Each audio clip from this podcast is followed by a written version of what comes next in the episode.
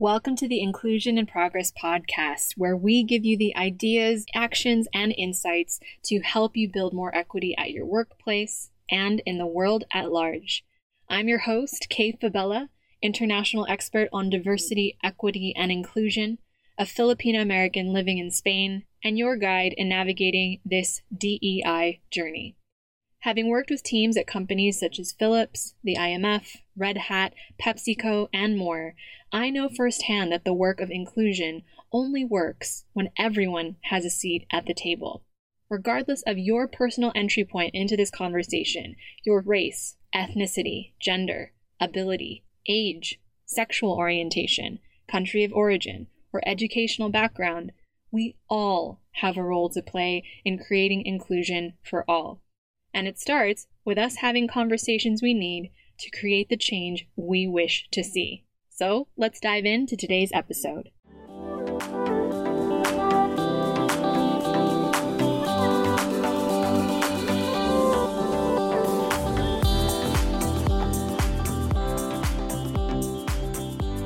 Welcome back to the show. So, we are super excited to have with us today the one and only Aubrey Brown, who is a diversity, equity, and inclusion or DEI veteran. He has been across Silicon Valley and a bunch of different tech companies, and his superpower is at the intersection of culture and data analytics. He's currently leading diversity at Airtable and is super excited to share his practices with us on this episode today.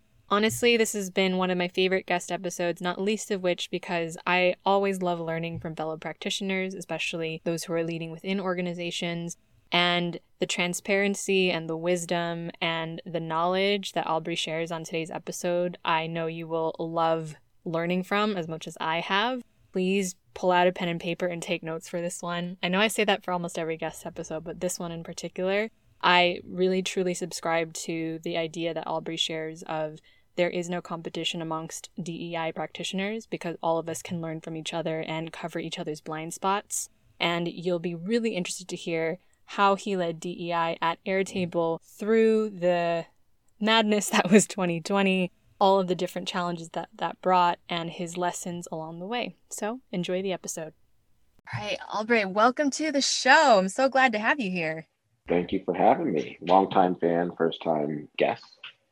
I'm sure it won't be the last time you'll be on. I know we'll be continuing the conversation, but I really appreciate you taking the time to just share a little bit more about what DEI looks like from where you sit. Mm-hmm. And I think the fandom goes both ways. Like, absolutely love what you're doing, what you're leading at Airtable. And I know my listeners are eager to learn more about what it looks like moving from the why or the business case of DEI into the how, and just really tapping into your wisdom today.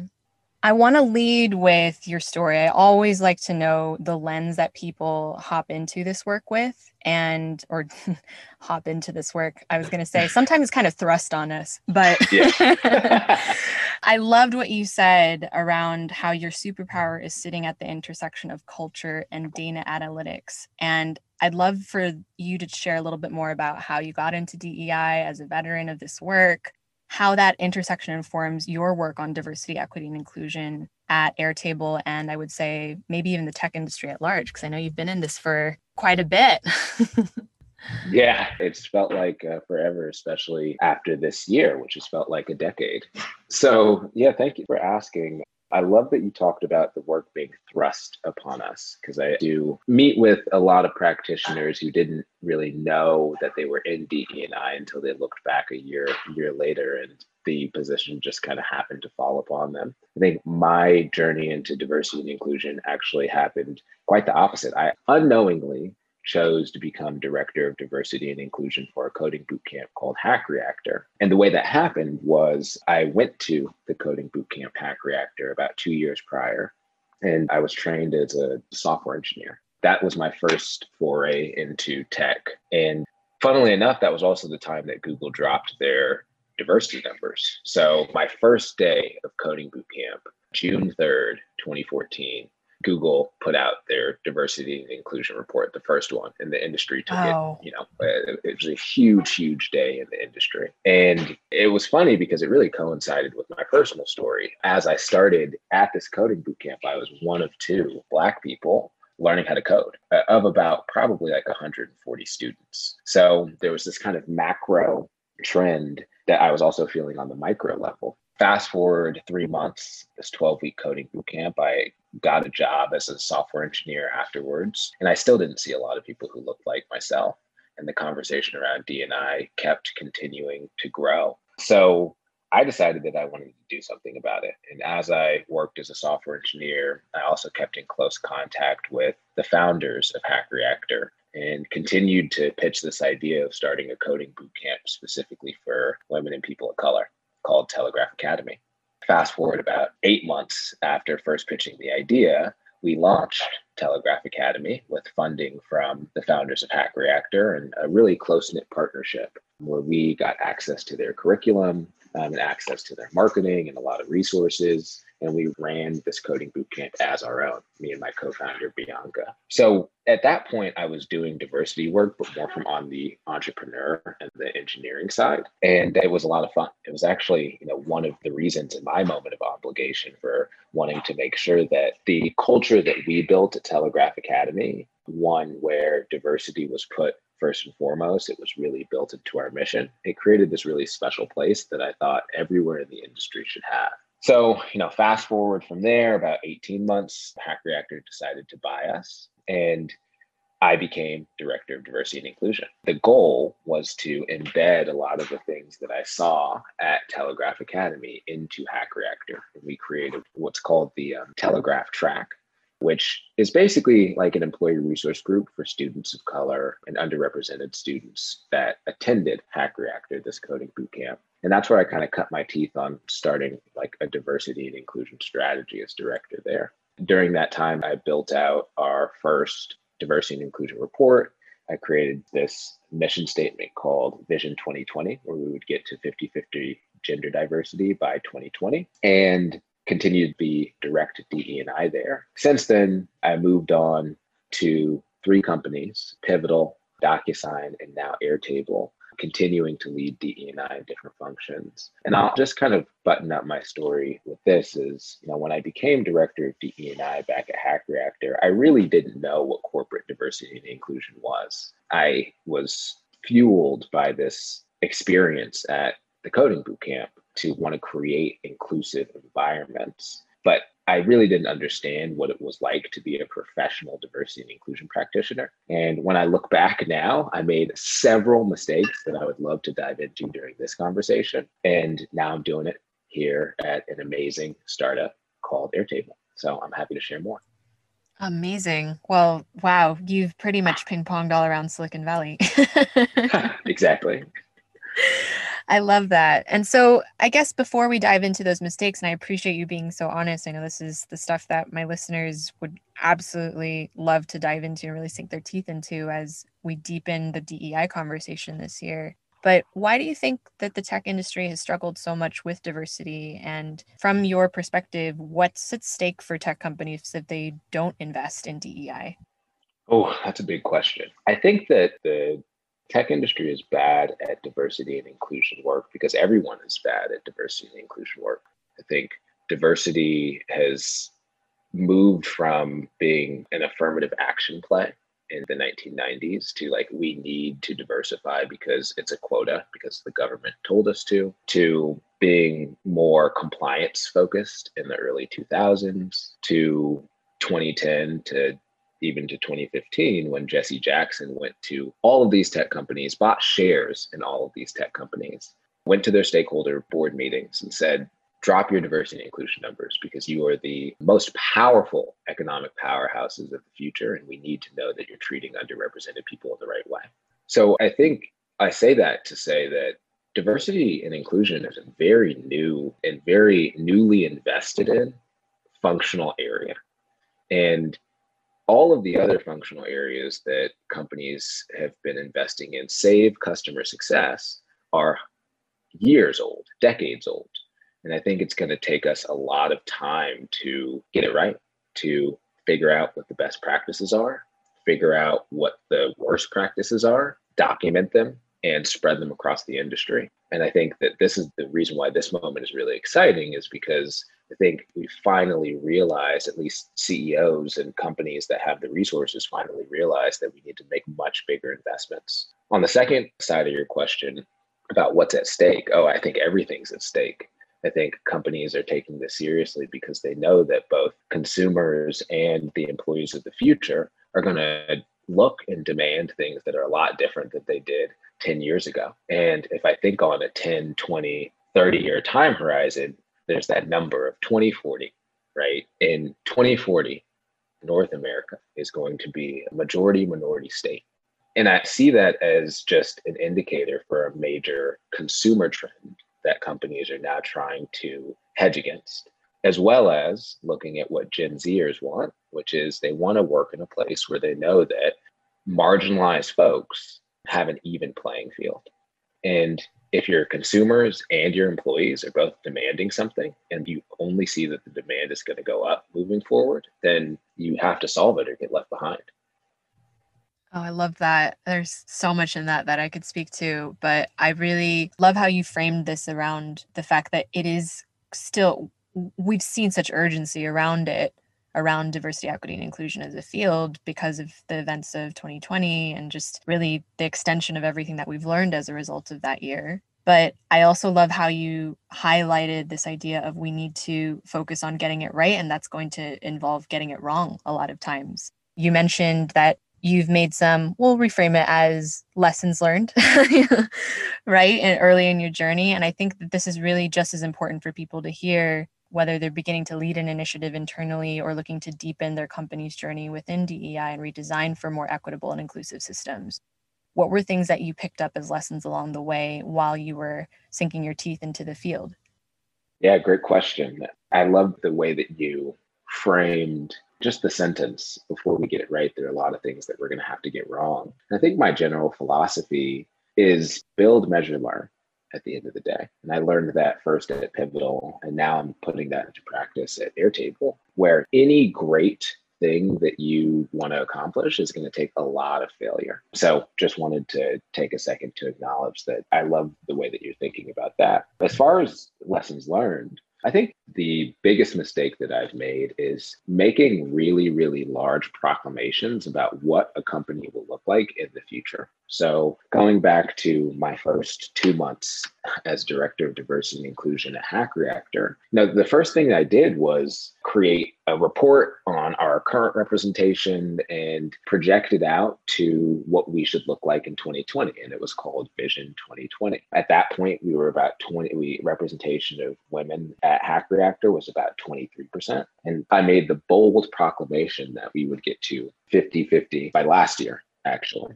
Now, not at Hack Reactor. I'm sure that they did whatever they could to try to hit that number. But what I learned from that experience is that there are two things that I would have done differently. First, making large proclamations about what representation looks like at your will look at like at your company in the future is kind of missing the point. Representation at your company is a result.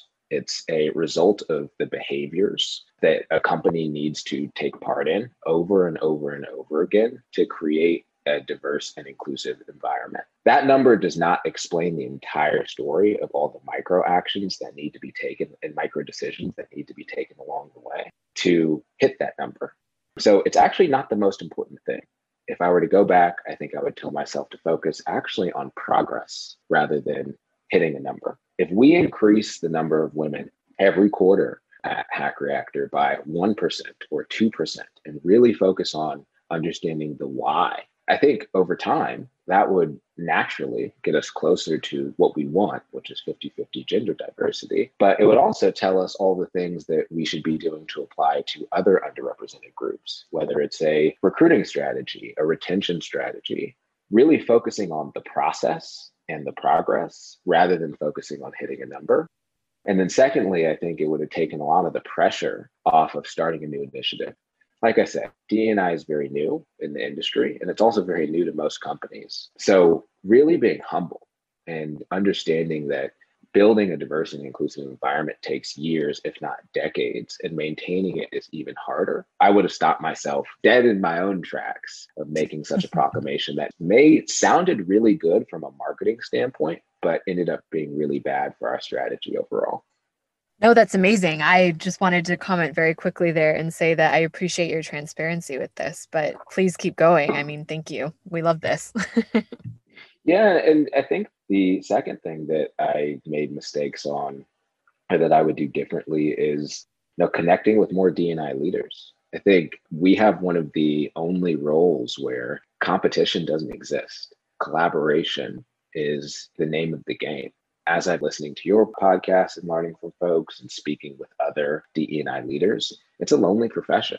And I've been uplifted and excited and energized by the 35 conversations with various DE&I leaders that I've had over the past three months, more than I have in my entire career prior.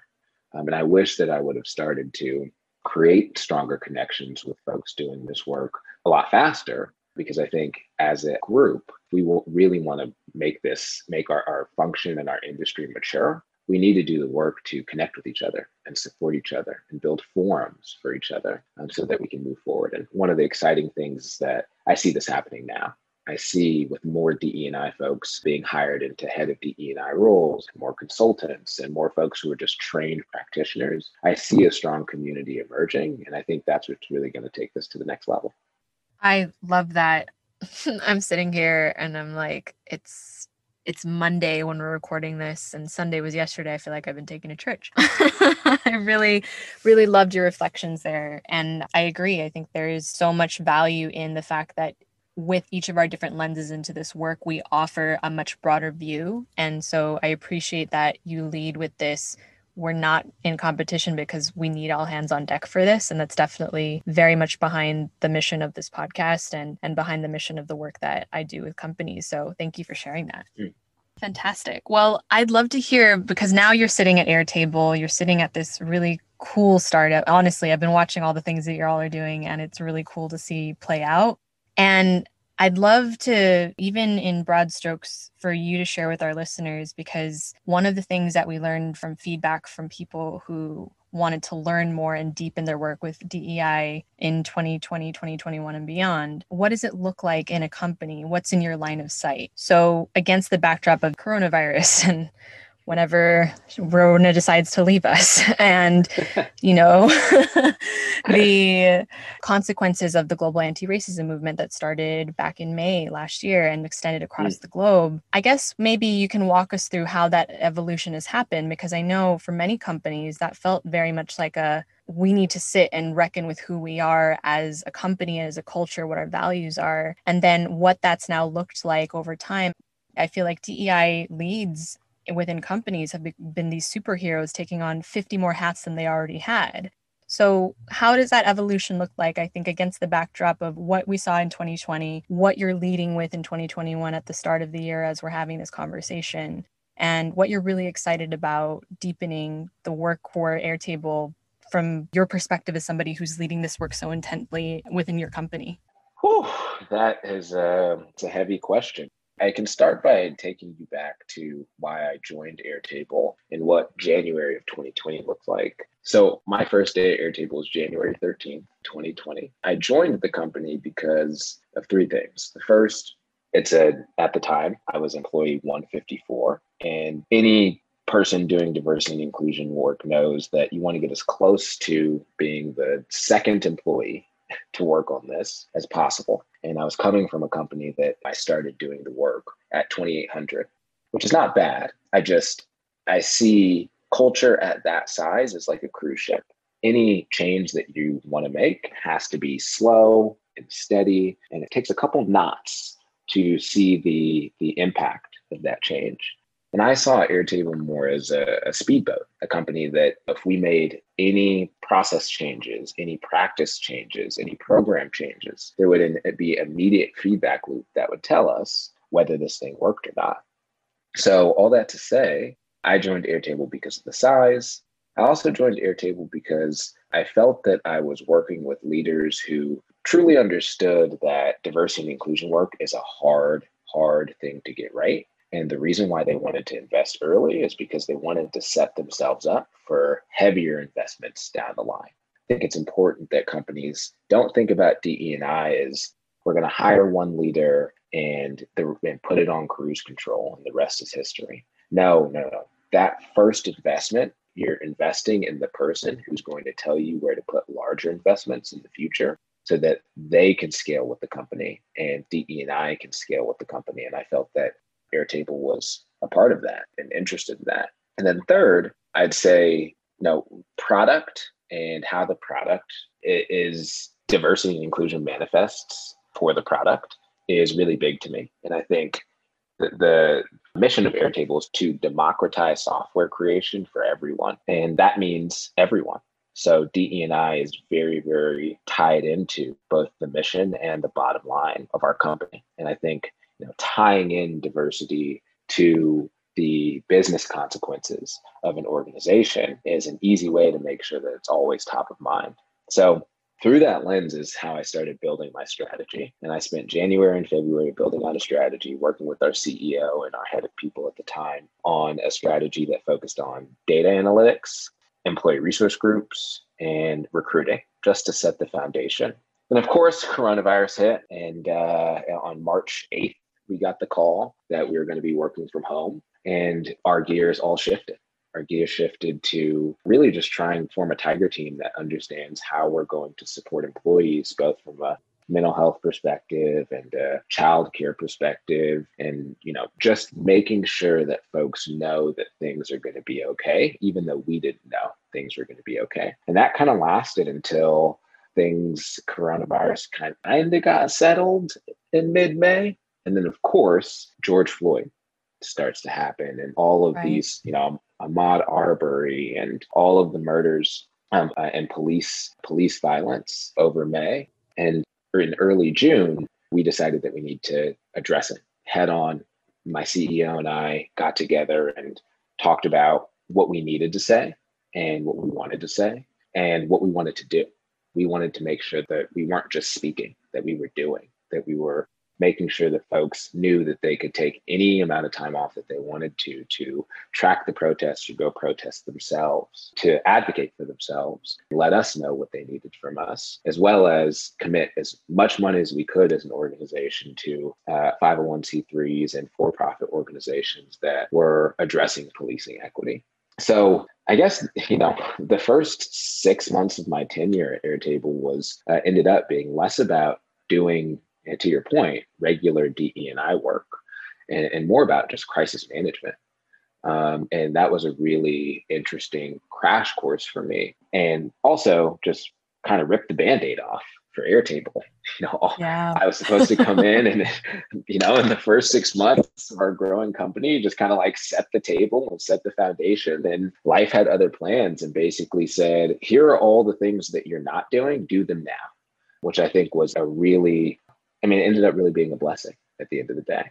So, yeah. um, since then, what we've been focused on is kind of going back to that original strategy. In July of last year, we kicked off our inclusive hiring framework with our engineering team. Essentially, the inclusive hiring framework brings together our engineering leader, two of their direct reports, our recruiters and myself. And we get together and collaborate on creating a diversity recruiting strategy specifically for our engineering team. By we had bi-weekly cadences where we met and just talked about what our pipeline looked like, what representation looked like, and what the behaviors we thought were important that both hiring managers and recruiters needed to do to diversify our engineering team.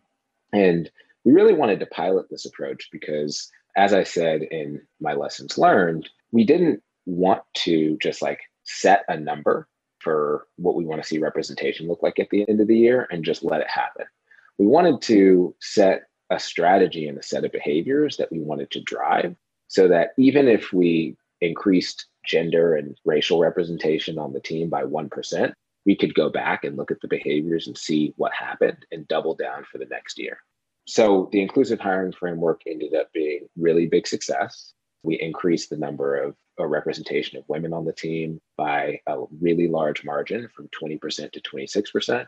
But we didn't increase the number of Black or Latinx engineers on the team at all, which is something that we're going to be focused on moving into 2021.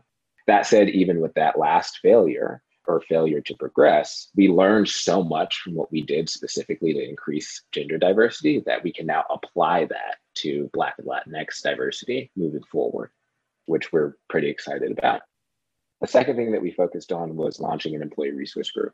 ERGs are my bread and butter. They are the most yeah. exciting thing about a diversity strategy to me. I think I call them the backbone of any great DE&I strategy because they allow you to really scale out your inclusion efforts, find high performers who are underrepresented, and create a feedback loop for programs and processes and initiatives from what I call the subject matter experts of certain groups across the organization. So we launched our Black Employee Resource Group in November. Some of the important parts about that is we're paying our ERG leaders a biannual stipend because we know that this is a job. So we have job templates Definitely. for each of our leaders. They are required to spend two hours per week working on the employee resource group. And at the end of each half, if their ERG goals and have met expectations in their roles, they'll receive payment because they deserve that. And I think that's completely changed the tenor of how we run our employee resource groups because we know this is a business unit that is focused on its constituents as well as making the business better. And we're treating these folks like high performers who deserve to be compensated for what they do. So moving into 2021, we're looking to expand that employee resource group program. Probably going to do parents at at uh, Airtable and then women at Airtable just for the first half. And then lastly, one thing that I'm really excited about is I'm joining what's called the experiences team, uh, which is a newly formed team on our people team. And essentially, it's just about making sure that the, the team's focus is to make sure that anyone who comes in contact with Airtable, whether you're whether you're a candidate or a prospect or an alumni, has a delightful and inclusive experience. And I'll sit between people and recruiting and focus more on like the operations how do we operate as a company from a people perspective? And how can we make sure that each part of the way that we operate has an inclusive lens attached to it, which I think is going to be really fun. Wow. You talk about being thrown in at the deep end, getting started. yeah, yeah. I think that I've lived 10 diversity and inclusion lives, or most of us who've been doing this work have lived 10 diversity and inclusion lives over the past year. Honestly, I think it's been necessary for us, mm. despite how the, the challenges that it's come with, because it's not only opened eyes, it's forced innovation. I'm excited to see where that goes. Most definitely. And I thank you for sharing so transparently because I know, wow, like you said, it has felt like 10 lifetimes. I mean, you and I have had numerous conversations with fellow practitioners, either independent consultants or people within organizations leading these things. And it's felt, like you said, like crisis management, just one thing after the other. And how do we continue to support our people and support the people who support our people through all of I think there's so much in that that's going to offer value for people of what has this year meant. What lessons within DEI can we crystallize and maybe consider about how to apply that to our own organizations? And I just know that this is going to be an episode that people are going to be taking notes from. So if you aren't already pulling out a notebook or a Google Doc, whatever you have handy, please do because Aubrey shared so, so much. Wow, we could talk for ages. I have a feeling we'll be having you back. Um, but one of the things that I would really love to dive into is this concept of visual identification. Now, I know it was your event that you hosted in December 2020 popped up on my feed, and I was like, oh man, we need to get this guy on the podcast so that he can talk to us about it. And I know it's technically, we will say a controversial recruiting tactic for increasing diversity at mm-hmm. your company. And I want you to maybe share with us how you've arrived at that and what you've learned. I know you're super metrics driven. And I know that that's a part that many people just don't really have as many examples to wrap their heads around. And so to hear what visual identification is and what it looks like and how that rolls out within the larger DE and I strategy, I would love for you to share it if you're willing. Oh, yeah. Thank you. This is a topic that I'm super passionate about and excited to continue practicing talking about it more in the open because I think we need to. And, and just to frame it up, recruiting is the lever by which you can test whether your company from the outside looking in is inclusive in the sense that as an organization we strive at airtable to reach out to more underrepresented people and continuously more underrepresented people for all of the roles that we have so that we can make sure that we're spreading equal opportunity. When those folks decide to spare their time to hear us out about why Airtable is a good fit for them and potentially interview us, it's incumbent upon us to understand what their experience was like. How far down the pipeline did they get? Did they have any qualitative feedback for us about their process? Was it inclusive? Was it exclusive? How did they feel about it? And we need to be able to track whether we have our own biases, whether we are incorrectly assessing whether someone will either be a technical fit or a culture add at each part of the process. If I asked any leader or DEI practitioner, I think that they would say that those three things are really important to track. And those three things really are great signals to tell you whether in the future, to project out, whether in the future your company is going to be more diverse and inclusive. But the challenge is, is that there are no great tools for tracking that.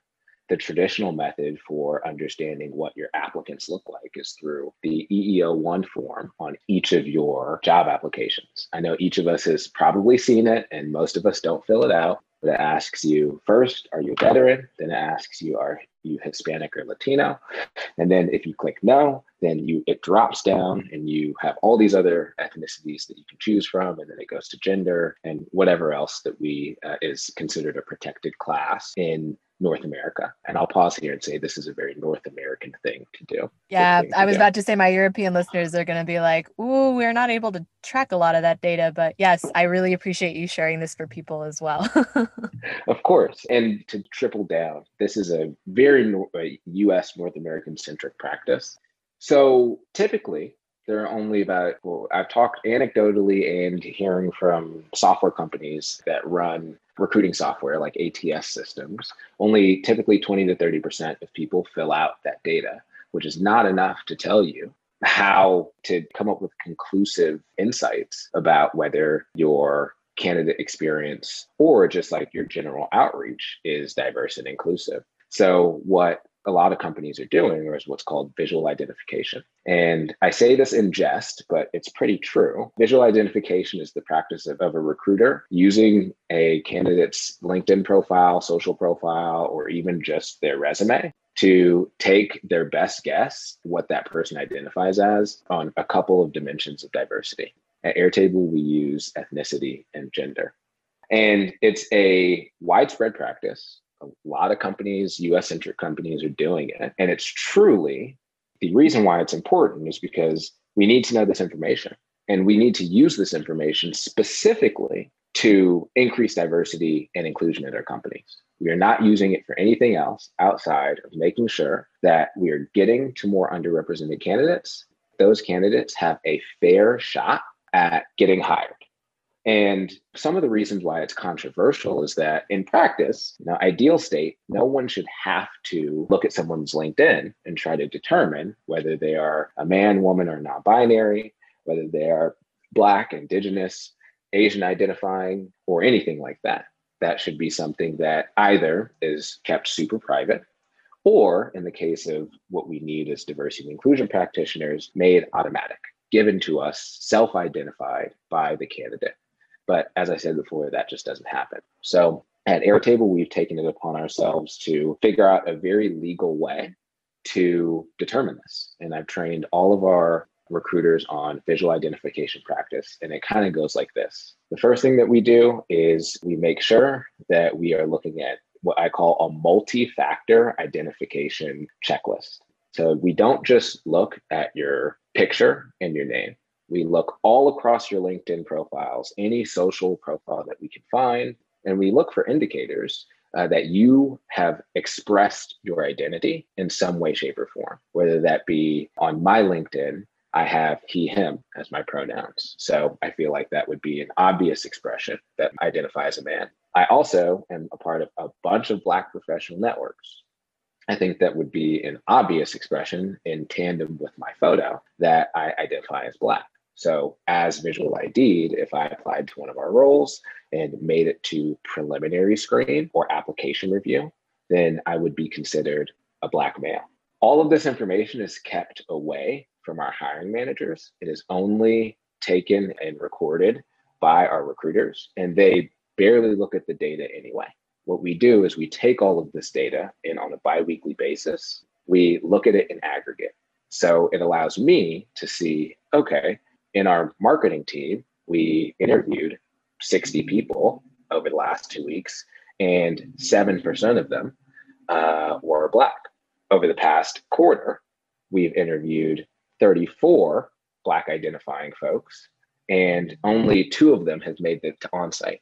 Now that allows me to compare that to what we would consider the majority population. For marketing, that is white women and white males. So we look and sometimes I see that there's a much lower percentage of Black identifying folks making it to onsite than majority population. And then we can start making decisions. This allows us to start figuring out a heat map for what our recruiting pipeline looks like by demographic and applying new behaviors to those places. So, all that to say, visual identification is a controversial topic. I would be remiss not to mention that recruiters do get it wrong sometimes. And it does feel a little bit odd to misgender someone because you didn't take enough time to look at their LinkedIn or maybe the information wasn't available to you. But in aggregate, what we believe is the benefits outweigh the costs the benefits of us being able to rapidly get the data that we need to create fast feedback loops to change how we recruit is a much better benefit than the cost of messing up sometimes. And we also look at how much we mess up as much as we can. So that's visual identification. That's why I think it's important. I guess I'll say lastly for the industry. I know out of the 20 leaders that I talked to in December and, and through mid January, 18 of them said they're doing visual identification and 18 of them said that they don't talk about it publicly. And i think uh, mm. going back to my point about collaboration i think that we need to be more confident about talking about our strategies and talking about what we're doing in diversity and inclusion. I know that demographics and how people identify they're tough subjects. They're uncomfortable. But if we're not comfortable to talk about them and really be open about them, how do we expect CEOs, CTOs, and our leaders to be comfortable? And I would challenge any DE&I leader who is doing something new and uncomfortable and different to be totally open about it because that's the only way that we're going to make progress. Oh my goodness, there's so much in that that we could record an entire podcast episode on just everything that you talked about there. But honestly, I think you've shared so much with us. And I know I can speak for myself as well as the many listeners who are going to be tuning into this and just shouting gratitude for the openness and the humility that you lead with. I know we've kind of danced around it a couple of times on the episode, but the article that you ended up taking all that knowledge from having interviewed those 20 plus DE and I leaders from across the different industries and sharing it in a Fast Company article, which I'll be sure to link to in the show notes, which was prolific. And honestly, in addition to this episode, I highly recommend listeners to read. But thank you for all the work that you're leading at Airtable. And I'm sure the ripple effect that that is having for the tech industry and for our practice at large. And I want to leave you with the opportunity to just give people who want to know more about what you do, follow your incredible work. Where can people find you to learn more about all of the things that you've talked about with us on the episode today? Yeah, thank you for the time, Kay. This has been wonderful. I've been a huge fan of the podcast for a long time, and it is an honor to join you for what I hope to be just our first episode. People can find me at Twitter at Albrey Brown, A L B R E Y. Brown is in the color. You can find me on LinkedIn at the same name and follow up with me there. I am very much an open book. If you have deeper questions, just DM me your email and we can talk there. But thank you again. And uh, this was a good conversation. Fantastic. And the feeling is so mutual. Well, you heard it here, folks. Thank you so much for tuning in to this conversation. Please follow Albrey wherever you can. I mean, tag us on social media with all of your favorite reflections from this conversation. I'm sure there will be many. And of course, if you like what you're listening to on Inclusion in Progress, please subscribe, rate, review, and help us get these conversations and resources out there to people who would most benefit from a more inclusive world. Thank you so much for your time, and we'll see you on our next episode.